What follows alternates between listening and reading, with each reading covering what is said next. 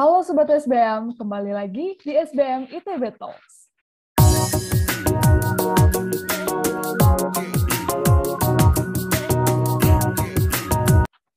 Hari ini bakal ditemenin sama aku, Angela, dari Kewirausahaan 2022. Nah, di SBM ITB Talks kali ini, dalam rangka menyambut Hari Kemerdekaan Indonesia yang ke-77, kita akan membahas topik yang menarik banget nih, kita bakal berbincang seputar hal-hal yang berhubungan dengan kontribusi terhadap negara ini. Wah, kedengarannya menarik ya. Dan kita akan ngediskusin topik ini sama pembicara yang sangat spesial, yaitu Kak Meidam Gusnier. Kak Meidam ini adalah seorang Head of Finance Department di West Fortunes, dan ia juga adalah seorang alumni dari MBA ITB loh. Wah, pasti Sobat SBM udah pada penasaran dong. Langsung aja yuk kita ngobrol bareng sama Kak Meidam. Halo, pagi Kak Meidam. Makasih banyak ya Kak udah nyempetin waktunya nih untuk uh, berbagi sama sobat-sobat SBM di SBM ITB Talks episode kali ini. Apa kabar nih Kak Medam? Alhamdulillah baik Angela. Apa kabar Angela? Baik juga, uh, thank you Kak. Nah, lagi sibuk apa nih Kak? Kepo dikit nih. Lagi sibuk di kantor aja, ngerjain beberapa pekerjaan lah ya, standar. Oh iya nih Kak, uh, uh, jadi kan sesuai yang udah saya sampaikan di awal tadi nih mengenai topik kita di SBMBTB Talks kali ini, yaitu tentang kontribusi untuk Indonesia, gitu dalam rangka kita menyambut kemerdekaan Indonesia juga. Ini di benakku dan juga di uh, sobat-sobat SBM lain ada banyak rasa penasaran nih kak. Tapi mungkin sebelum kita jauh ke sana, dari profil Kak Medam yang aku udah lihat nih, udah kerja kira-kira sekitar tujuh tahun di West for Change, bener nggak ya kak? Hmm, ya, sekitar ya, Oke. Okay. Nah, aku jadi kepo nih Kak. Sebenarnya uh, apa sih Kak Waste for Change itu secara umum dan apa aja yang Waste for Change lakukan di dalam proses bisnisnya itu? Oke, jadi sebenarnya uh, Waste for Change ini di awal itu kita apa ya semacam social enterprise ya. Jadi kan pas awal-awal itu 2014-15 itu lagi hype-nya social enterprise, social entrepreneur kayak gitu. Jadi kita melakukan suatu usaha selain mendapatkan pemasukan dari bisnisnya, tapi punya impact juga kan ke apa kayak gitu. Nah, yang kita pilih adalah impact ke lingkungan, terutama di isu persampahan. Jadi eh, kita sebenarnya kita melakukan apa ya? Jadi Waste for Change kan ada W4C kalau di logonya tuh. Itu terdiri dari consult, campaign, collect, and create. Jadi kita melakukan edukasi, kita juga melakukan riset, kita melakukan pengangkutan sampah secara bertanggung jawab. Habis itu kita mengelola atau men, mengelola sampah-sampah yang kita hasilkan atau yang kita dapatkan dari klien-klien kami itu untuk didaur ulang atau minimal dihancurkan atau di uh, dibu apa namanya dihancurkan atau di, untuk tidak merusak lingkungan seperti itu ya. Jadi sebisa mungkin kita itu meminimalisir sampah yang masuk ke landfill jadi kita punya fasilitas uh, di sekitar di Bekasi. Jadi sampah-sampah yang kita ambil itu kita taruh ke sana dulu, kita proses, kita sortir lebih detail. Habis itu kalau yang tidak memang punya nilai value itu yang dikirim ke landfill. Tapi jika memang mau zero waste to landfill ya kita juga bisa ada partner yang bisa melakukan hal itu gitu. Jadi cukup fleksibel jasa-jasanya. Uh, overall yang kita lakukan seperti itu. Jadi uh, apa namanya uh, melakukan untuk khusus untuk sampah dari dari hulu ke hilir ya. Oke. Wow, oke okay. menarik nih kak. Sebenarnya aku udah sering dengar juga tentang Waste for Change uh, sedikit-sedikit karena uh, udah cukup terkenal juga di Indonesia beberapa kali juga waktu kelas gitu kan ada beberapa speaker dari Waste for Change. Jadi itu uh, cool banget. Dan terkait keterlibatan Kak Medam melalui Waste for Change ini, apa sih Kak yang ngegerakin Kak Medam untuk akhirnya mau berkontribusinya lewat Waste for Change gitu secara personal? Apakah mungkin karena uh, Kak Medem sendiri punya concern yang sama uh, dan atau mungkin karena lingkungan yang mendukung atau mungkin ada hal lain gitu kak? Ya, kalau personal dari aku pribadi sih uh, dulu pas join sebenarnya karena background teknik lingkungan ya, jadi uh, ada irisan lah antara yang dipelajari di kampus sama yang dikembangkan di West World Change kayak gitu. Awalnya dari sana. Lalu uh, karena awalnya itu kita based on riset services dulu gitu. Kita uh, melakukan visibility study dan segala macam. Lalu habis itu baru masuk ke jasa pengangkutan sampahnya nih, pengelolaan sampahnya yang mana saat ini kan seperti kita tahu di Indonesia kan untuk masalah sampah kan cuma dikumpul angkut buang ya dari rumah diambil pakai kendaraan dinas atau uh, petugas kebersihan existing lalu dipindahin aja tuh ke landfill nggak ada proses apa-apa gitu efeknya adalah landfillnya menumpuk kayak gitu ya. Dan itu pasti namanya landfill punya umurnya kan. Nah ketika umurnya itu udah mencapai batasnya lalu dikemanakan nih sampahnya gitu. Sedangkan setiap hari sampah pasti dihasilkan kan. Nggak mungkin berhenti tuh gitu. Udah gitu ya udah harus diapakan kayak gitu. Nah dari situ uh, menjalankan waste change untuk yang servis uh, pengangkutan sampahnya ini pengolahan sampahnya ini menurutku cukup challenging ya. Karena pas kita ngeriset itu belum ada belum ada pemain yang bisa melakukan pengolahan sampah yang bertanggung jawab waktu itu uh, 2014-15 ya kayak gitu akhirnya ya udah kita cobalah uh, melakukan hal itu gitu uh, ya udah kita survei, riset dan segala macam. Uh, akhirnya kita uh, menemukan model bisnis yang seperti ini saat ini. Dan yang menarik, yang menarik menurutku juga um, di sisi lain beberapa operator kami itu juga uh, ada yang petugas kebersihan existing gitu atau ada yang memang butuh uh, pengangguran kayak gitu butuh pekerjaan. Nah itu bisa bekerja sama dengan kita kayak gitu menjadi petugas-petugas uh, kita lah ya kayak gitu. Jadi selain kita pun bekerja, kita juga melihat impact apa yang kita lakukan untuk kalau lingkungan kan pasti ya, karena kita ngambil sampahnya ya. Tapi ekonomiknya itu, sosialnya itu juga ternyata punya dampak juga ya ke orang-orang yang memang membutuhkan pekerjaan atau yang memang saat ini marginal gitu, bisa kita bantu untuk meningkatkan perekonomiannya dia gitu, buat keluarganya, buat uh, apa namanya pribadinya juga, misalnya masih belum menikah, seperti itu sih awalnya. Uh, Oke okay, Kak Medam, jadi memang tadi diawalin dari background Kak Medam sendiri yang S1-nya teknik lingkungan, akhirnya coba untuk ke Waste for Change, dan dari situ tadi aku juga dengar, oh ternyata impact Waste for Change juga bukan cuma untuk lingkungannya aja, tapi juga untuk social impact-nya itu contohnya ngasih pekerjaan ke orang-orang di sekitarnya gitu, dan lain sebagainya. Pasti masih banyak yang lainnya nih Kak. Jadi aku jadi kepo lagi nih, sebenarnya apa, apa aja sih Kak impact yang udah dikontribusiin sama Waste for Change ini gitu? khususnya ke masyarakat sekitar dan juga ke negara kita gitu Kalau impact sih, misalnya dari sisi jasa consulting kita ya, kita melakukan kayak riset untuk hmm, food loss, food loss kalkulator kayak gitu untuk Bappenas. Lalu ada juga untuk perhitungan kalkulator untuk uh, apa namanya uh, pemerintahan juga untuk persampahan seperti itu. Lalu ada beberapa proyek yang ada untuk melibatkan apa ya untuk memandirikan sistem pengolahan sampah di aku lupa deh beberapa pulau terluar di Indonesia seperti itu. Jadi mereka bisa mandiri tuh karena namanya pulau kan jauh dari mana-mana ya. Bingung kan mau diapain sampahnya kayak gitu. Nah, kita waktu itu bantu untuk bisa membuatkan sistem tersebut.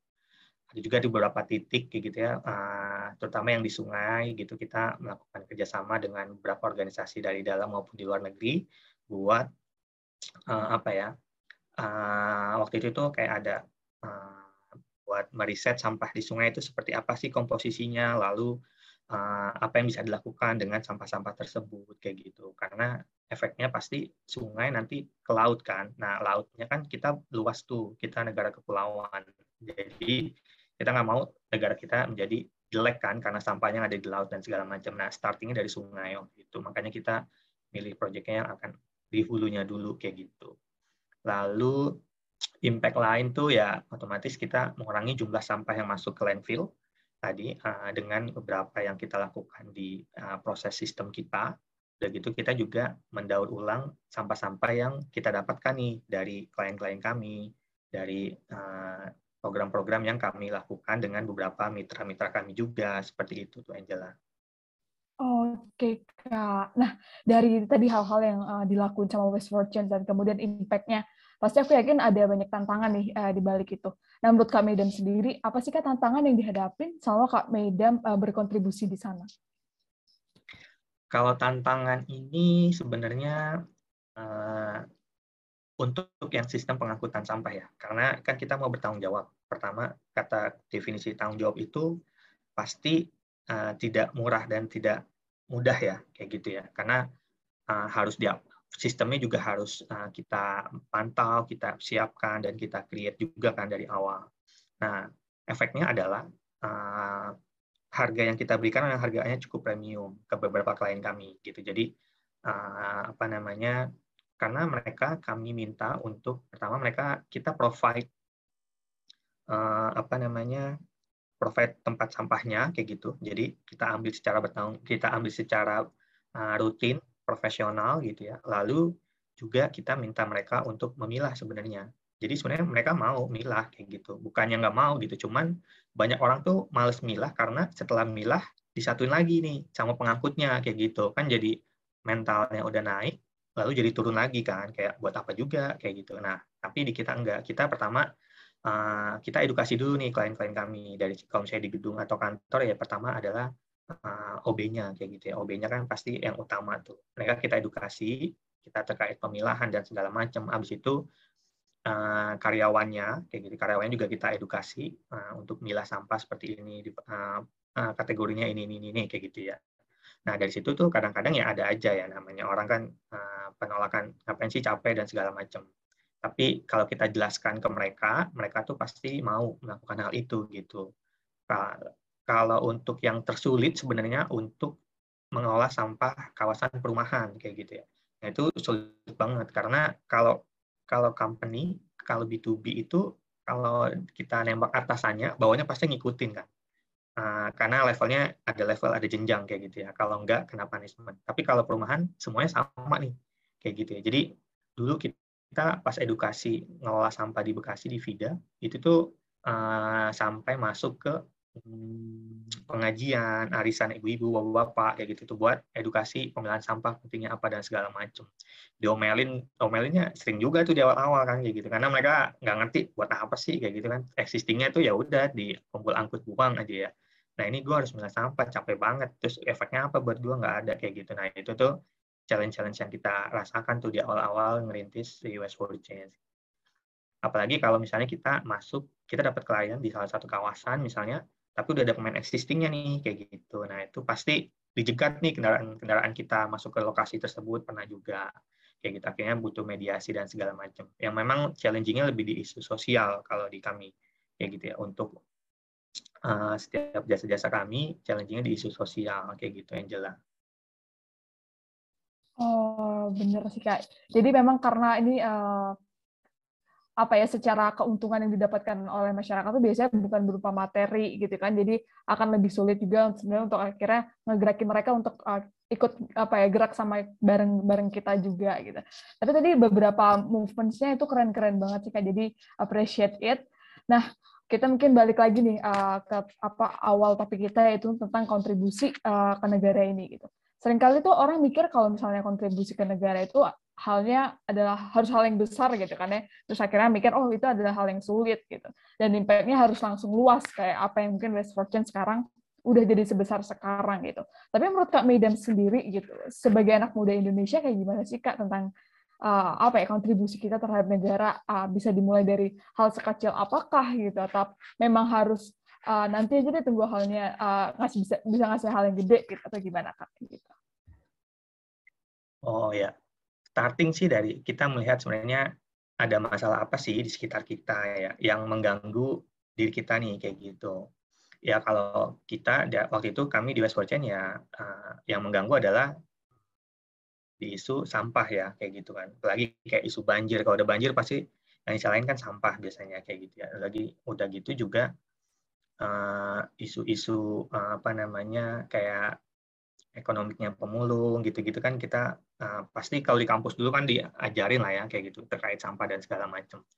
Uh, pertama kami melihatnya dari sana karena problem itu sebenarnya opportunity yang belum diambil sama orang lain kan gitu ya. Kalau misalnya kita melihat uh, kayak tadi kita melihat problem mereka bilang mereka malas melihat sampah karena sampah dicampur lagi. Nah itu kan problemnya tuh masa sampah dicampur lagi ya. Ya udah akhirnya ya udah kita provide pengangkutan yang terpilah seperti itu. Nah, seperti itu. Jadi sebenarnya nggak harus yang melihat yang besar gitu ya, atau yang cukup uh, apa ya dilihat orang banyak gitu. Ya. Tapi starting dari uh, diri kita sendiri aja. Diri kita sendiri itu risih sama apa nih yang misalnya memang uh, apa namanya um, kita lihat tapi kita nggak enak kayak gitu ya. Karena nanti pasti nggak cuma kita kan kadang-kadang. Ada juga orang lain yang masuk yang merasakan hal itu gitu. Jadi ya sama seperti kayak value proposition kayak gitu kan itu kan problemnya apa dulu ya problem set segala macamnya kita cek dari situ baru kita bisa melihat uh, apakah memang uh, cukup mudah atau cukup sulit sih buat memecahkan masalah tersebut gitu ya. Nah dari situ baru deh tuh kita ketahuan uh, kita mappingkan dari mapping itu problem set mapping dari situ baru ketahuan sebenarnya uh, mudah nggak sih atau apakah yang kita lakukan, apakah yang saya lakukan, apakah yang saya rasakan itu dirasakan orang lain juga gitu. Kalau dirasakan orang lain juga nanti pasti ujungnya kan kita bisa gerakan, bikin komunitas, bikin movement dan segala macam ya. Nah, seperti itu gitu. Kadang-kadang uh, kita orang nggak merasakan karena kita kurang aware aja sebenarnya sama lingkungan-lingkungan uh, kita yang saat ini berjalan uh, akan isu tersebut gitu. Uh, misalnya dulu tuh kita juga ngelihat banyak TPS TPS liar di jalan gitu ya. Ya padahal itu bukan tempat sampah gitu kan, tapi orang tuh karena udah sering buang sampah di situ jadinya uh, semua jadi ngikut kayak gitu kan. Nah, itu juga yang membuat risih kita di awal-awal memulai West for Change. Nah, menurutku seperti itu tuh. Ada juga temanku tuh risihnya waktu itu apa ya, gara-gara menyontek gitu, dia nggak dia anak yang apa namanya uh, cukup aware gitu ya cukup uh, nggak enak gitu akhirnya bikin rumah belajar kayak gitu banyak kok banyak hal-hal yang dimulai dari uh, apa namanya ketidaksenangan diri sendiri akan sesuatu tapi ternyata itu tuh bisa memberikan dampak yang cukup besar kayak gitu ke orang lain mungkin seperti itu Angela. Oke, nah harapan Kak Medam untuk Indonesia gitu Kak, ke depannya sebagai anak muda nih khususnya, gimana sih Kak gitu, khususnya di ini ya, karena kan kita sebentar lagi akan uh, ulang tahun kemerdekaan Indonesia yang ke-77 nih Kak, dari Kak Medam punya harapan sendiri nggak sih Kak gitu? Kalau harapan sih ya ada lah ya, maksudnya uh, lebih banyak berkarya lah, lebih banyak berkarya uh, yang positif ya, kayak gitu ya, yang mana itu tuh bisa dibanggakan oleh minimal keluarga dulu lah kayak gitu ya. Uh, dia tahu anaknya misalnya keluarganya seperti apa antar orangnya kayak gitu. Jadi orangnya pun juga ketika menjalankan itu mereka lebih semangat ya karena didukung sama keluarganya lalu yang berikutnya mungkin dari sisi misalnya yang lagi dapat yang lagi mencari pekerjaan dan segala macam ya apa namanya hmm, dapatkan yang sesuai dengan passionnya gitu ya biar mereka bisa maksimal kayak gitu.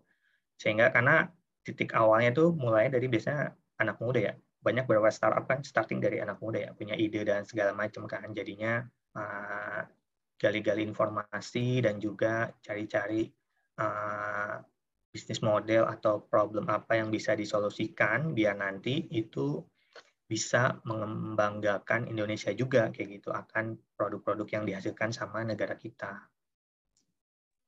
Oke, dan tentunya kita juga uh, berharap kalau misalnya setiap niat kita juga bisa selalu didukung kayak sama uh, baik dari semua pihak baik dari pemerintah maupun uh, institusi-institusi lain yang apa ya akhirnya bisa ngedorong juga niat kita gitu untuk berkontribusi untuk negara ini gitu.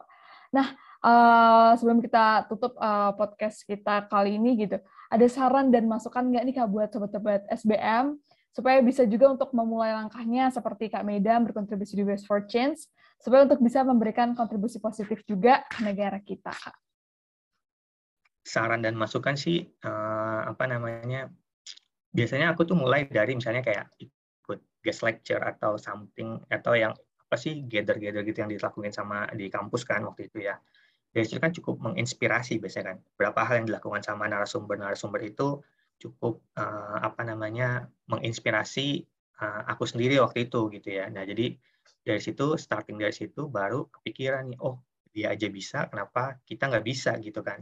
Memang punya timelinenya masing-masing setiap orang ya, tapi kalau kita nggak uh, mulai gitu ya, nggak mulai langkah kita untuk melakukan hal yang positif, hal yang kita mau, baik itu berdampak untuk diri sendiri ataupun orang lain, maka nggak akan berjalan tuh. Nah, saranku sih coba teman-teman kalau misalnya nanti melihat, uh, apalagi kalau ada dosen tamu gitu ya, nah itu tuh uh, dieksplor aja lebih banyak. Karena aku ingat waktu itu aku ada dosen tamu siapa ya yang cukup menarik waktu itu di kampus.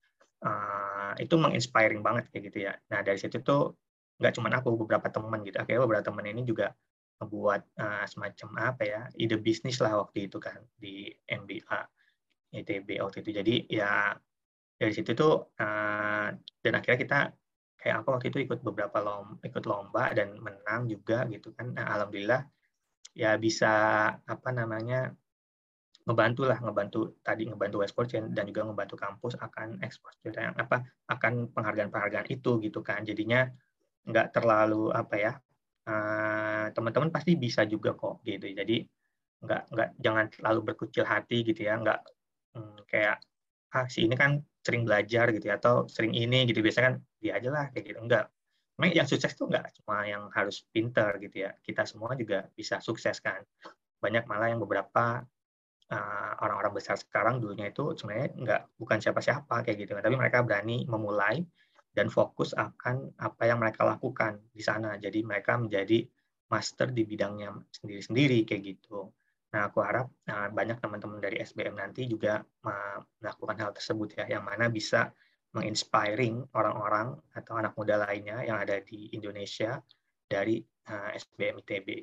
Wah, oke okay nih Kak. Uh, jadi insightful banget. Jadi memang sebenarnya benar-benar harus self aware dulu gitu ya Kak ya sama diri sendiri gitu. Terus baru kemudian kita bisa mikir uh, lebih jauh langkah ke depannya seperti apa. Dan tadi kayak yang Kak Medan bilang, cobalah manfaatin dari kegiatan-kegiatan sederhana kayak contohnya dari guest lecture, terus kemudian coba untuk cari inspirasi dari sana dan explore lebih jauh lagi gitu. Wah, keren banget nih dalam waktu yang cukup singkat ini kita udah dapat banyak banget insight dari Kak Medam yang udah bertahun-tahun berkontribusi lewat West for Change uh, dengan concernnya di bidang lingkungan. Dan dari West for Change ini juga banyak banget impact yang udah uh, diberikan untuk negara ini baik dari baik dari segi lingkungan maupun untuk social impact-nya memberikan pekerjaan ke orang-orang ke sekitar. Dan juga uh, kita tadi dari Kamedan kita dapat insights gitu bahwa uh, untuk membuat kontribusi ke negara ini itu dimulai saja dulu dari hal-hal yang sederhana untuk kita bisa lebih peka sama lingkungan sekitar bisa tahu apa masalah yang bisa kita bantu untuk hadapin dan juga untuk melihat peluang-peluang apa sih yang bisa kita manfaatkan supaya kita bisa uh, memulai langkah kita lebih jauh untuk kontribusi kita ke negara ini. Nah, dan juga harapan-harapan Kak Medam tadi semoga uh, bisa segera terwujud juga, baik itu untuk negara ini ataupun untuk teman-teman sobat-sobat SBM yang lagi dengerin podcast ini nih. Gitu. Nah, makasih banyak ya Kak Medam untuk waktunya dan udah mau berbagi insight dan pengalamannya ke kita semua. Dan aku juga berharap semoga Kak Medam ke depannya dilancarin uh, pekerjaannya, uh, sehat selalu, dan bahagia selalu. Sampai jumpa lagi di lain kesempatan, Kak. Thank you. Wah, Sobat SBM, sayang sekali nih kita udah berakhir sesi kali ini. But don't worry, karena masih akan ada banyak episode-episode selanjutnya dengan topik dan pembicara yang nggak kalah kerennya. Jangan lupa untuk klik tombol like, comment, dan subscribe di channel YouTube SBM ITB, dan follow juga akun Spotify SBM ITB. Sampai jumpa di episode-episode berikutnya. SBM ITB, for the greater good.